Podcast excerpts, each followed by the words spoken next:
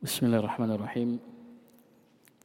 السلام عليكم ورحمة الله وبركاته. الحمد لله رب العالمين. والصلاة والسلام على المبعوث رحمة للعالمين. نبينا محمد وعلى آله وصحبه. ومن تبعهم بإحسان إلى يوم الدين أما بعد. Jemaah salat maghrib yang dimuliakan oleh Allah Subhanahu wa taala. Alhamdulillah kita bersyukur pada Allah Subhanahu wa taala yang telah memberikan kepada kita kemudahan untuk bisa berkumpul di tempat yang mulia ini yaitu salah satu rumah dari rumah-rumah Allah Subhanahu wa taala yang mana kita berkumpul untuk sebuah amalan yang sangat mulia kita berkumpul duduk bersama untuk talabul ilmi mempelajari ilmu agama mempelajari Al-Quran dan Sunnah Nabi Sallallahu Alaihi Wasallam yang mana itu semua hendaknya kita niatkan untuk meraih kemuliaan di sisi Allah Subhanahu wa taala. Dan kita malam ini insya-Allah akan melanjutkan pelajaran kita membaca kitab Al-Kabair itu kitab yang membahas tentang dosa-dosa besar. Karya Al-Imam Al-Hafidh Al-Zahabi rahimahullah. Muhammad bin Ahmad atau Ahmad bin Muhammad bin Uthman rahimahullah.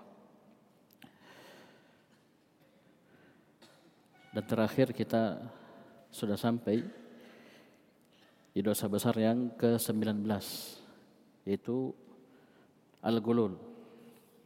Dosa al-gulul min al-ghanimati wa min baitil mali wa zakah.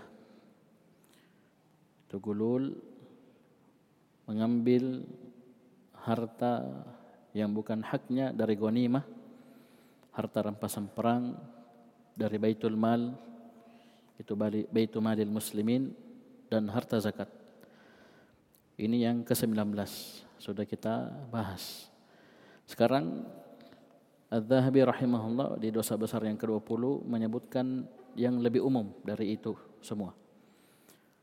Jadi ini tiga berurut 19, 20, 21. Ini berhubungan dengan harta. Dosa besar yang berhubungan dengan dengan harta. Di sini di yang dosa besar yang ke-20 Al-Zahabi rahimahullah menyebutkan dengan bahasa yang lebih umum dengan bahasa yang lebih umum. Kata Az-Zahabi rahimahullah, Al-Kabiratul Ishrun, dosa besar yang ke-20. Apa itu? Al-Zulmu bi amwalin nasi bil batil. Dosa besar yang ke-20 adalah al-zulmu, kezaliman. Dengan cara apa? Bi amwalin nasi bil batil. Dengan cara mengambil harta manusia dengan cara yang batil.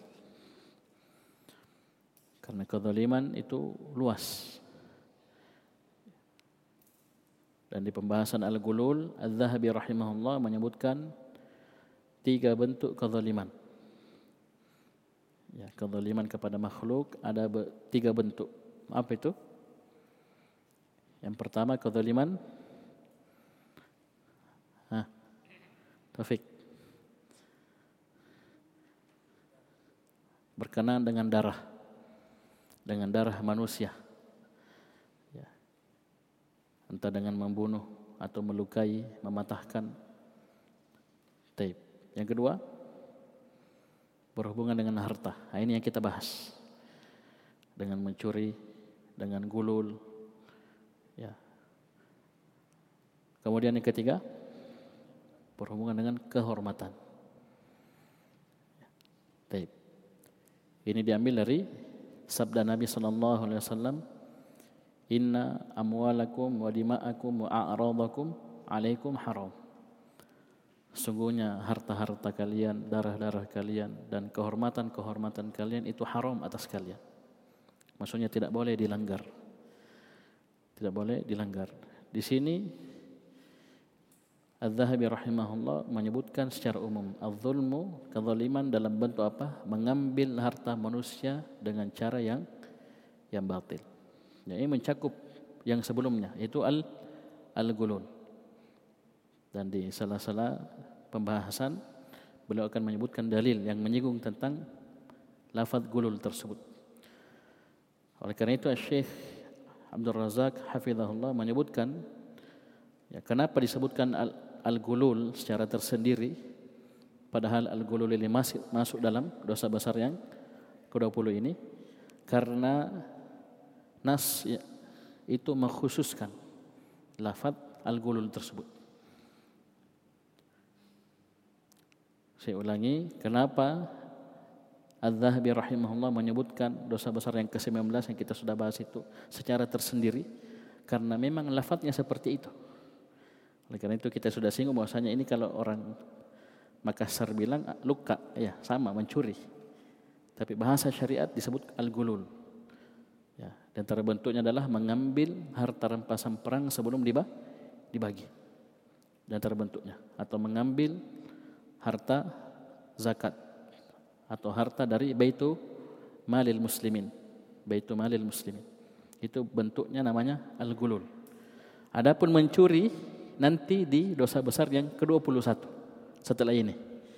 Ya, nanti khusus dia dosa besar namanya mencuri. As-sariqah.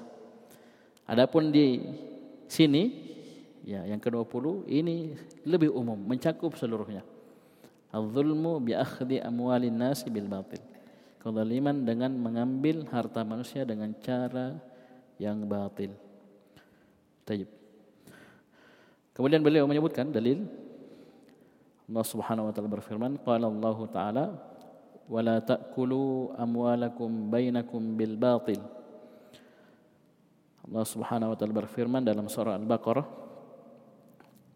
ayat 188 188 dan jangan kalian memakan harta-harta kalian di antara kalian dengan cara yang batil. Disebutkan di tafsir Muyassar di sini wala ya'kul ba'dukum mala ba'din. Jangan sebagian kalian memakan harta sebagian yang lainnya. Bisa babin batilin dengan sebab yang batil, yang tidak hak. Seperti kal yaminil kadhibah, seperti dia mengambil harta manusia dengan sumpah yang dusta, sumpah palsu. Wal atau dia rampas wasariqah atau dia curi. Warishwah atau dia menyogok. Ya ya bukan haknya tapi dia kasih uang orang supaya hak harta tersebut atau barang tersebut menjadi miliknya. Warriba atau riba. Ya orang pinjam uang satu juta sama dirinya dia bilang kasih kembali satu juta seratus. Ya seratus ribunya itu riba. Ya lebih dia lebihkan dari hutangnya orang. Wanah widalik ini ini semuanya dilarang. Dan ini umum ya. Wala ta'kulu amwalakum bainakum bil batil. Selama itu dengan cara yang batil itu diharamkan, dilarang oleh Allah Subhanahu wa taala. Dan Nabi sallallahu alaihi wasallam telah bersabda, "Innal halala bayyinun wa innal harama bayyinun." Sungguhnya perkara yang halal itu jelas dan perkara yang haram itu jelas. Dan antara bentuk kita mengetahui suatu perkara itu diharamkan dalam syariat itu ketika datang larangan. Ketika datang lara, larangan. Lianna nahya yaqtadi at-tahrim. Karena larangan dari Allah atau dari Rasulnya itu mengharuskan haramnya perkara tersebut. Ya, termasuk di sini. Jangan kalian makan harta-harta kalian dengan cara yang batil. Wa tudulu biha ilal hukam. Apa artinya?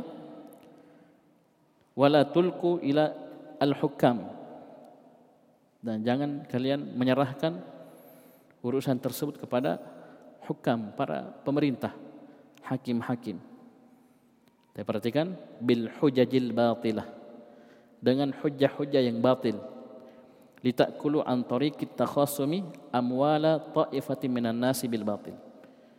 Jadi dia pakai jalur pemerintah. Dia bawa ke pengadilan misalnya. Jelas bukan punyanya ya bukan haknya bukan anunya bukan tanahnya, bukan ininya. Intinya dia masuk melalui jalur pemerintah, pengadilan dan sejenisnya, polisi atau jaksa atau apa. Ya. Kemudian dia kemukakan hujah-hujah yang batil. Ya, dia palsukan dokumen, dia dusta dan seterusnya, dia bermain di dalam. Taib agar dia bisa makan dari cara ini yaitu cara takhosum, ya, bersengketa, ya, berperkara. Taib bisa dipahami? Dia bawa ke orang. Ini juga sama. Intinya dengan cara apa pun, ya itu hukumnya haram. Dan sekarang dan dari zaman dahulu semenjak kita kecil dan sampai zaman sekarang tidak ada habis-habisnya. Ya. Orang bertengkar masalah harta, mas harta warisan, masalah tanah. Ya. Ada bilang ini tanah saya, ada bilang ini sertifikatnya palsu dan terus seterusnya. Ini masuk semua. Ya, jangan kalian memakan harta-harta kalian dengan cara yang batil. Kenapa disebutkan makan di sini? Karena ini di antara bentuk manfaat yang paling sering digunakan dalam ya mengambil harta alasannya untuk makan tapi tidak harus dimakan ya mungkin dia ambil untuk dia pakai seperti tanah misalnya tanah tidak bisa dia makan ya, tanah diambil tanahnya orang dia klaim ya, bahkan dia bikinkan dokumen palsu misalnya. Tidak bisa dia makan, tapi dia gunakan untuk perkara ini masuk semua, masuk semua dalam larangan. Taib. Ini ayat yang pertama. Kemudian ayat yang kedua, Ta'adzahabi rahimahullah wa qala ta'ala Allah Subhanahu wa taala berfirman dalam surah Asy-Syura ayat 42. Yang sudah lewat di awal-awal kitab Allah Subhanahu wa taala berfirman innamas sabilu 'alal ladzina yadhlimuna an-nasa wa yabghuna fil ardi bighairil haqq ulaika lahum 'adzabun alim. Ini jelas ya ancamannya di akhir ayat. Sungguhnya as-sabil yaitu hukuman. Hukuman itu hanyalah untuk alladzina yadhlimuna an-nas Hukuman itu hanyalah untuk orang-orang yang yadhlimunan nas. Menzalimi manusia. Di sini Allah Subhanahu wa taala tidak menyebutkan bentuk kezalimannya dalam bentuk apa? Apa maksudnya? Mencakup seluruh bentuk kezaliman. Termasuk di antaranya kezaliman dalam masalah harta. Dia mengambil harta manusia dengan cara yang batil. Ini orang-orang yang jalan tersebut, hukuman tersebut diarahkan kepadanya. Wa fil ardi bighairil dan dia melakukan pelampauan batas di atas muka bumi ini. Bighairil haqq tanpa kebenaran. Dan ini sifat kasyifah, bukan berarti ada pelampauan batas yang dibenarkan, tidak. Ini sifat yang melengket bahwasanya semua yang namanya pelampauan batas kezaliman itu bighairil haqq itu semuanya kebatilan. Kemudian terakhir Allah Subhanahu wa taala ancam mereka ulaika lahum adzabun alim. Mereka itulah untuk mereka adab yang sangat pedih. Kalau tadi di ayat yang pertama jelas hukumnya haram. Kenapa ada larangan? Di sini di ayat yang kedua jelas ancamannya adzabun alim. Dan sudah kita sebutkan di antara ciri dosa besar adalah diancam dengan adab. Diancam dengan adab. Di sini bukan sekedar adab tapi adab yang sangat pedih. Adab yang sangat pedih. Taib. Kemudian ayat yang ketiga Allah Subhanahu wa taala berfirman kata Az-Zahabi rahimahullah wa qala ta'ala wadh-dhalimuna ma lahum min waliyyin wala nasir. Ini surah Asy-Syura ayat 8 dan orang-orang zalim sini disebutkan wadzalimun dan orang-orang zalim tidak ada untuk mereka satupun wali satupun orang yang bisa melindungi diri mereka. Ya. Wala nasir tidak pula ada satupun orang yang bisa menolong mereka jelas mereka diancam dengan adab yang sangat pedih yang sangat menyakitkan ketika mereka telah mendapatkan hal tersebut tidak ada satupun yang bisa melindungi mereka dari adab Allah Subhanahu wa taala. Ketika mereka disiksa oleh Allah Subhanahu wa taala, tidak ada satupun yang bisa menolong. Ya, dinafikan oleh Allah Subhanahu wa taala. Waliyin nakirah, nasirin nakirah dalam susunan apa? Penafian. Tidak ada satupun yang bisa. Ya, orang tuanya, bapak ibunya, anaknya, istrinya, tidak ada yang bisa menolong dirinya. Ketika Allah Subhanahu wa taala menimpakan siksa azab kepada kepadanya. Nauzubillah. Tayyib. Jadi ini nampak jelas bahwasanya ini kezaliman secara umum itu dosa besar. Ya, masuk darinya apa? Masuk di antaranya kezaliman dalam bentuk mengambil harta manusia dengan cara cara yang batil. Ini umum yang beliau sebutkan. Ya, nanti beliau pelan-pelan masuk di bentuk-bentuk kezaliman tersebut dari sisi har harta. Kemudian hadis beliau sebutkan taib hadis riwayat Bukhari dan Muslim dari sahabat Abdullah bin Umar bin Khattab radhiyallahu anhuma wa qala sallallahu alaihi wasallam adz-zulmu dzulumatun yaumal qiyamah Nabi wasallam bersabda adz-zulmu kezaliman adalah zulumat ya kegelapan kegelapan pada hari kiamat. Ya. Di sini disebutkan juga kezaliman dalam bentuk apa mencakup seluruh bentuk kezaliman. Mencakup seluruh bentuk kezaliman adalah kegelapan-kegelapan pada hari hari kiamat.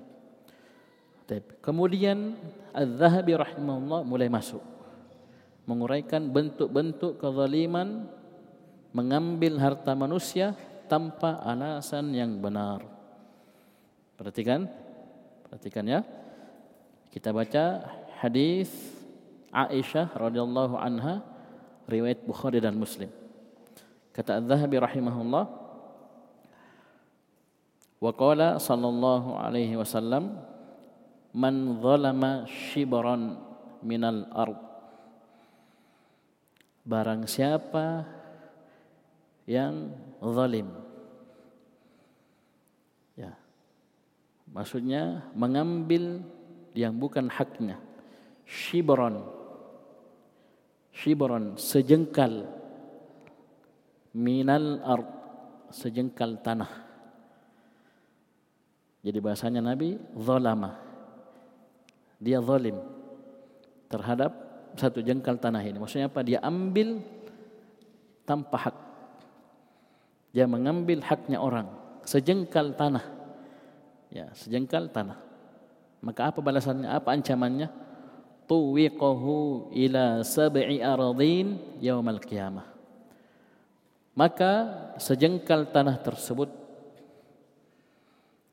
sejengkal tanah tersebut sampai tujuh lapis bumi jadi sejengkal kali tujuh lapis bumi itu akan tuwiqahu akan dikalungkan nanti pada lehernya nanti pada hari kia, hari kiamat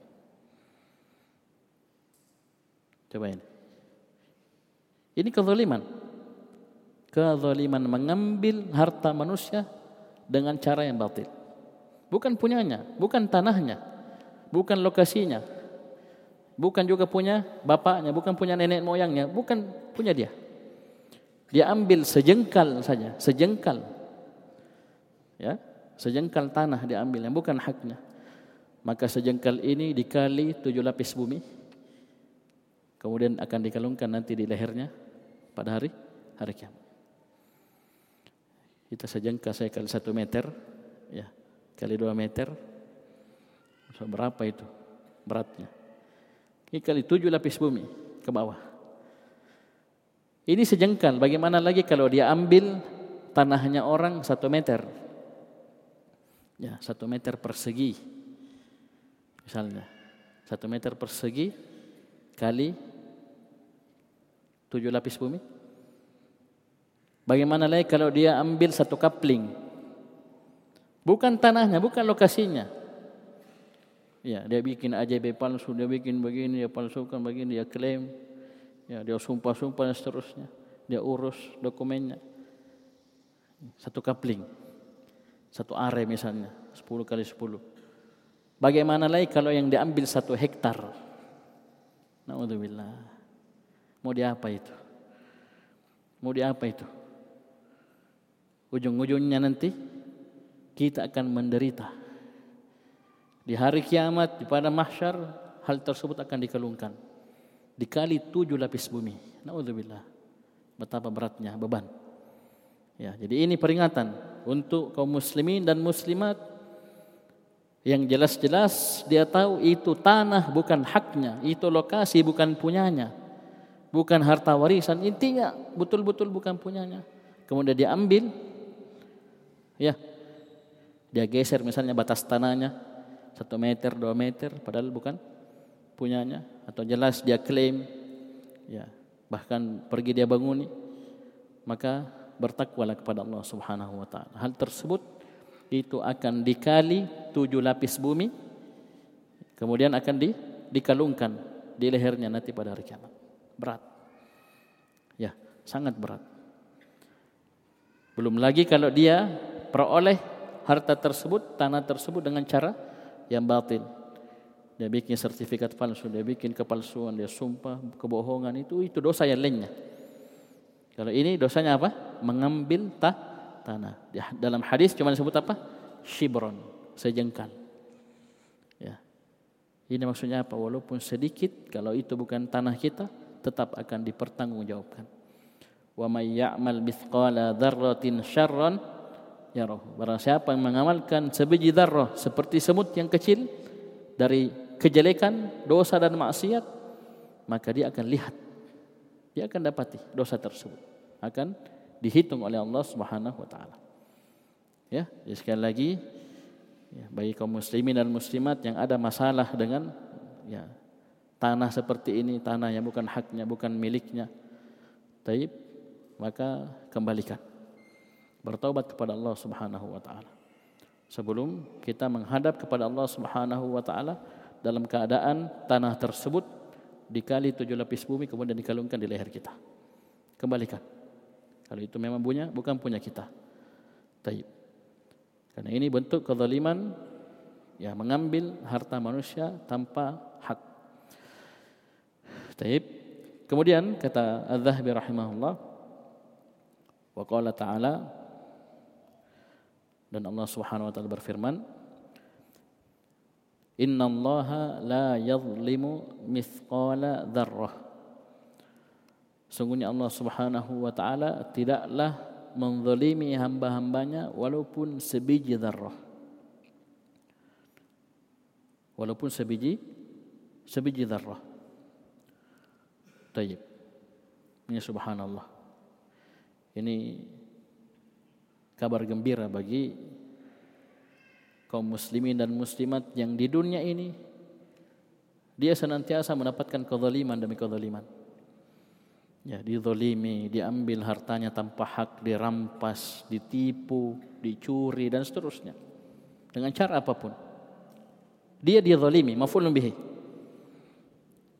Ayat ini hiburan untuk dirinya bahwasanya apa? Nanti di hari kiamat hal tersebut tidak akan lepas. Pasti akan dihitung oleh Allah Subhanahu wa taala.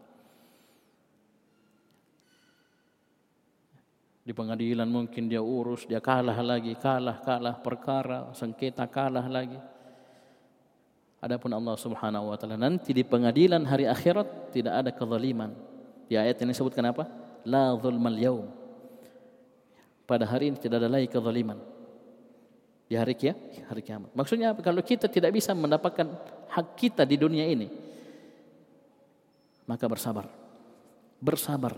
Jangan kita terjatuh dalam kezaliman yang semisal kita balas apalagi itu melebihi dari kezaliman yang ditimpakan kepada kita. Taib. Tapi caranya bersabar karena nanti pada hari kiamat hal tersebut akan kita dapatkan. Hal tersebut akan dihisap oleh Allah Subhanahu wa taala. Dan ingat hadis riwayat Muslim dari sahabat Abu Hurairah radhiyallahu anhu tentang orang yang bangkrut. Pernah dengar? Kisah al-muflis. Ya, Nabi sallallahu alaihi wasallam ya saya makna secara makna pernah bertanya kepada para sahabat Atadaruna mal muflis apakah kalian tahu siapa itu orang yang bangkrut? Ya, para sahabat radhiyallahu anhum menjawab pertanyaan ini pertanyaan ini sesuai dengan ilmu mereka. Orang yang bangkrut yang tidak punya uang, tidak punya harta, dijawab oleh para sahabat seperti itu. Bangkrut ya, muflis. Kemudian kata Nabi sallallahu alaihi wasallam, "Al-muflisu min ummati may ya'ti yaumal qiyamati bi salatin wa siyamin wa zakatin." Orang yang bangkrut dari umatku adalah orang yang datang nanti pada hari kiamat membawa pahala ibadah-ibadah yang sangat agung besar. Pahala solat, puasa, zakat, haji, iya, bangun masjid dan seterusnya. Intinya pahala luar biasa besar. Tapi apa? Wa qad syatama hadza wa qadhafa hadza wa akala mala hadza wa daraba hadza wa safaka dama hadza. Ya, dia bawa pahala solat, pahala puasa, pahala zakat, tapi dia sudah mencaci maki si fulan, menuduh si fulan dengan dusta. Dia makan hartanya orang dengan cara yang batil. Dia telah memukul fulan, telah menumpahkan darahnya fulan. Maka apa yang terjadi? Dihisap. Ya. Diadili oleh Allah Subhanahu wa taala. Apa putusannya? Coba perhatikan. Putusannya pahala pahala yang dia sudah capek-capek kumpulkan di dunia ini itu diberikan kepada orang yang dia zalim zalim. Jadi pahala solatnya, pahala puasanya, pahala zakatnya itu diberikan kepada orang yang dia zalimi. Padahal pada hari kiamat itu kita butuh-butuhnya kepada yang seperti ini pahala memperberat timbangan amal kebaikan itu butuh-butuhnya kita. Seandainya kita bisa tebus hal tersebut dengan dunia dan seisinya kita tebus. Di hari itu tidak ada lagi gunanya harta, dunia, kekayaan, tidak ada. Anak, istri, tidak ada lagi gunanya. Mau bilang kita punya rumah yang bertingkat, kekayaan, tanah yang luas, tidak ada lagi gunanya. Yang berguna di hari itu adalah amalan soleh. Nah ini orang jelas-jelas ada pahala solatnya, pahala puasanya, pahala zakatnya, pahala sedekahnya. Jelas disebutkan oleh Nabi SAW. Tapi bersama dengan itu tidak bermanfaat untuknya. Kenapa? Dikasih kepada orang yang dia zalim. Iya baik kalau impas. Kalau setelah diambil, dikasih pahala amalan solehnya kepada orang yang dia zalimi, impas aman. Selesai. Ya, itu pun sudah nol, sudah minus. Tapi kalau ternyata masih kurang, belum impas, maka dosa yang orang-orang yang dia zalimi ditimpakan kepada orang tersebut. Kemudian endingnya kata Nabi SAW, "Thumma turiha finnar."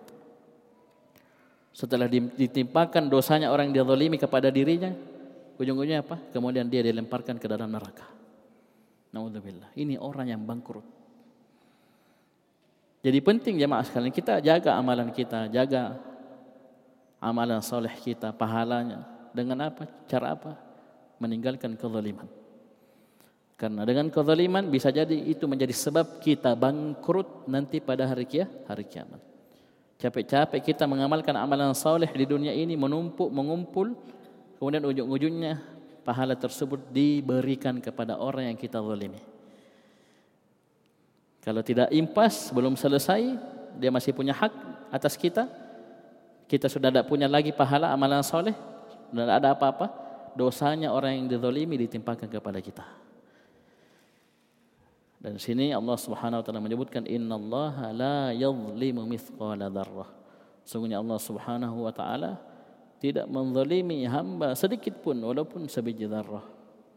Ya, jadi bersabar ya. Jadi saudara-saudara kita kaum muslimin dan muslimat ya, yang diuji dengan kezaliman dari orang orang yang lain ya, saudaranya yang lain atau orang yang lain, maka dia bersabar. Ya, sampai tegak pengadilan nanti di hari hari kiamat. Kemudian kata Az-Zahabi rahimahullah menyebutkan sebuah riwayat. Taib. Taib riwayat ini ada kelemahan ya. Taib.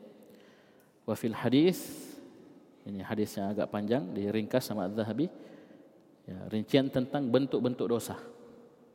Ya, bentuk-bentuk dosa di sini disebutkan wa diwanun la yatrukullahu anhu syai'a. Itu ada dosa yang Allah Subhanahu wa taala tidak akan tinggalkan Maksudnya apa? Pasti diadili.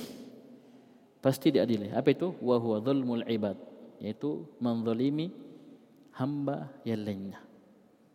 Ini pasti kita akan dituntut. Ya, oleh karena itu mumpung kita masih hidup masih memungkinkan kita untuk mengganti atau meminta maaf lakukan. Ya laku lakukan selama tidak ada doror yang lebih besar daripada hal tersebut. Ya. Selama tidak ada doror ya bahaya yang lebih besar daripada hal hal tersebut. Ya contoh misalnya dia pernah mencuri ya HP misalnya, Lalu kalau dia dia ngaku saya yang curi HP-nya, bisa panjang urusannya. Oh kamu yang curi bisa dibunuh dia, bisa dipukuli dan seterusnya. Kalau begitu caranya cukup dia kembalikan. Ya, HP yang dia curi tersebut. Kalau memungkinkan, kalau tidak dia ganti yang semisalnya. Ya, dia kirim kan bisa pakai kurir ini. Tulis itu ini HPmu yang dulu saya curi. Ya, paham? Ya, bahwa dilacak juga pengirimnya aman, insya Allah. Tidak penting, yang penting haknya kita kembali, kita kembalikan. Paham? Taib. Kemudian kata Az-Zahabi rahimahullah ini banyak beliau dalil, kemukakan dalil banyak sekali kita baca secara ringkas.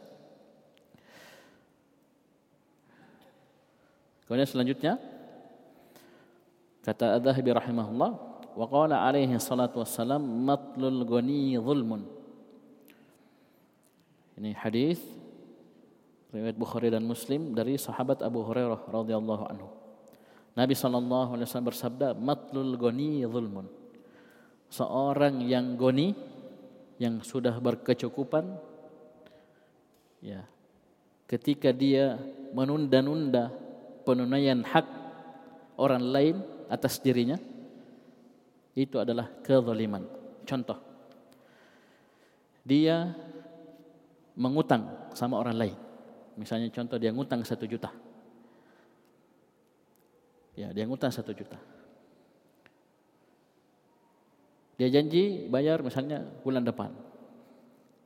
Ya, sampai temponya bulan depan, Alhamdulillah ada rezeki. Dia dapat keuntungan dari bisnisnya misalnya satu juta atau lebih. Ya. Pada posisi ini dia sudah mampu bayar. Kapan dia matul, kapan dia undur, dia undur, dia undur, itu adalah kezaliman. Ini adab dalam menunaikan hak. Kalau kita sudah mampu, sudah berkecukupan, ya Allah beri keluasan, harus disegerakan. Jangan ditunda-tunda, banyak alasannya. Dan ini hadis sering-seringnya dibahas pada pembahasan apa? Utang piutang. Ya.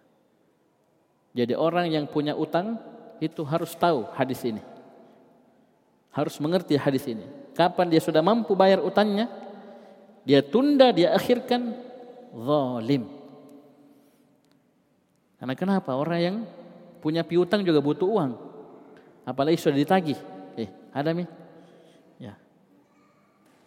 Eh, belum ini. Padahal sudah mampu. Ya, itu sudah dusta, sudah bohong. Yang kedua dia sudah akhirkan. Ya, akhirkan penunaian hak tersebut. Ini merupakan kezaliman. Dan ini kadang yang bikin kapok saudara-saudara kita yang memberikan pinjaman. Karena ingat meminjamkan uang ke orang lain itu pahalanya besar. Itu bentuk membantu orang lain. Wallahu fi aunil abdi ma kana al abdu fi auni akhi. Dan hadis-hadis yang semisalnya. Ketika yang punya piutang ini bersabar dalam menunggu ya, menunggu yang punya utang ini lapang, ya bisa bayar, ya apalagi dia bisa maafkan utangnya, dia akan mendapatkan naungan pada hari naungan tidak ada naungan kecuali naungan Allah. Di antara golongan yang diberikan naungan oleh Allah Subhanahu wa taala nanti pada hari kiamat. Tidak masuk di tujuh hadis di tujuh golongannya yang dikumpul dalam satu hadis. Ya, hadisnya lain. Ya, kalau tujuh golongan lain lagi, ya. Tujuh golongan lain lagi. Ini hadisnya lain. Ini apa? Apa amalannya? Cuman sabar menunggu saudaranya bayar utang. Ya, tidak ada istilah mau mengancam, mau ambil ini, ambil itu, kemudian dizalimi saudaranya. Kalau dia punya barang jaminan, tidak apa-apa, barang jaminannya dijual. Kemudian harga barang jaminan tersebut dikurangi utangnya. Sisanya untuk yang punya barang. Ya, jangan barangnya langsung diambil. Karena bisa jadi ketika uangnya misalnya utangnya satu juta, barangnya dijual bisa satu juta setengah, maka dibayar satu juta untuk utangnya lima ratus ribunya untuk yang punya barang jaminan. Tidak boleh kita ambil semua barang jaminannya, tapi dijual. Taib. Ala kulli hal intinya di sini syahidnya matlul goni zulmun. Jadi orang yang sudah goni, sudah kaya, sudah mampu membayar hak, menunaikan hak dia kepada orang lain kemudian dia tunda, maka ini merupakan kezaliman. Ya, dan antara bentuknya tadi apa? Pembayaran utang. Kalau sudah mampu, lunasi. Kenapa mau dicicil lagi? Kalau sudah mampu, lunasi. Ya, paham? lunasi. Jangan cicil sudah mampu. Karena kenapa? Kenapa kita tunda-tunda? Dipakai uangnya, tidak lunas-lunas. Tidak lunas-lunas. Bahkan ini bentuk kezaliman. Kemudian kata Al-Zahabi rahimahullah, wa min akbari zulmi dan di antara kezaliman yang paling besar adalah al-yaminu al-fajiratu ala haqqin alaih. Sumpah ya, yang fajir ya sumpah yang palsu atas hak ya atas dirinya. Taib. Karena ingat dalam masalah harta ini, ya masalah hak ini hak ini ini banyak dipakai sumpah-sumpah ini sumpah wallahi wallahi. Ya. Seperti yang disebutkan dalam ayat tadi, ya. Dia serahkan urusannya ke hakim misalnya, ke mahkamah, ke pengadilan, kemudian dia Ya, mungkin dia diminta bersumpah atau dia suruh datangkan bukti atau satunya minta bersumpah. Ini jangan sampai kita bersumpah dengan sumpah seperti ini. Kita bersumpah agar kita mendapatkan harta orang lain dengan cara yang batil. Caranya dan cara caranya tadi ya, disebutkan dalam tafsir Muyassar juga tadi dengan cara sumpah. Ya, sumpah yang dusta. Tayyib. Kemarin ada teman cerita SMS ya SMS penipuan ya. Itu sampai sumpah-sumpah demi demi Allah begini saya butuh saya ini saya butuh uang dan seterusnya. Coba lihat. Dia berusaha mendapatkan harta dengan cara seperti ini. Sumpah palsu, sumpah dusta. Ya, saya kecelakaan begini kantor polisi ya, pernah dapat telepon begitu atau SMS. Itu kadang dipakai sumpah. Ini sangat mengerikan. Atau sebaliknya, dia punya hak, dia punya kewajiban misalnya. Seperti masalah piutang tadi, utang. Dia punya utang tapi dia bersumpah bahwasanya wallahi saya tidak minjam. Ini sama. Ya, ada haknya orang atas dirinya. Ya, ada piutang, piutangnya orang atas dirinya dia ngutang. Kemudian dia bilang tidak. Saya tidak pernah minjam. Pernah dapatnya seperti itu? Pernah dapat? Ini banyak juga. Ini semuanya masuk. Semuanya mah masuk dalam kezaliman ini. Dan ingat ancamannya tadi sangatlah besar. Ya, cukuplah ayat yang kita sebutkan tadi, ulaika lahum azabun alim. Cukup itu semua sudah mencakup semua bentuk kezaliman kezaliman. Dia mau pakai sumpah, mau dengan riba, mau mau dengan apa cara menyogok, ya merampok, merampas, begal, masuk semua mencuri. Itu ancamannya satu. Ulaika lahum azabun alim. Dan apa yang disebutkan Az-Zahabi rahimahullah ini ya bil batil ini umum kebatilan dalam bentuk apa pun. Dia mengambil harta manusia dengan cara yang batil dalam bentuk apa pun. Ya, mau nipu, mau sumpah palsu, rampok, begal, dan seterusnya. Bisa dipahami? Tapi ini dosa besar. Ini adalah dosa dosa besar. Tapi sayangnya kaum muslimin dan muslimat banyak yang tidak paham perkara ini. Ya, bergampangan dalam mengambil harta manusia dengan cara yang batil. Dengan cara yang bah, yang batil. Tapi masih tersisa banyak dari hadis sekitar delapan atau tujuh dalil tersisa. Uh, mungkin kita akhirkan, ya kita akhirkan di pertemuan selanjutnya supaya kita bisa mencermati apa yang disebutkan oleh Al-Zahabi. Karena di sini beliau rahimahullah menyebutkan dalil-dalil yang menyebutkan tentang kezaliman masalah harta dengan bentuk-bentuknya. Bahkan ada yang disebutkan dalam bentuk gulul. Gulul ini kan sudah kita lewati kan?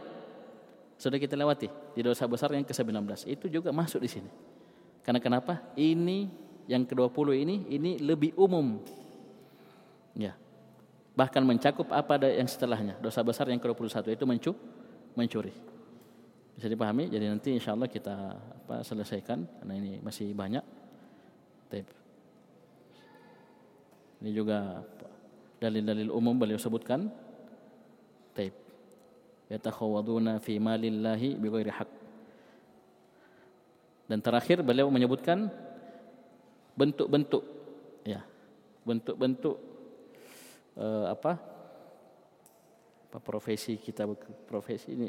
Beliau menyebutkan perkara-perkara yang masuk dalam mengambil harta manusia dengan cara yang batil. Seperti mengambil di sini mengambil apa makas mengambil pajak kemudian qati otorik ya penyamun ya, apa itu namanya?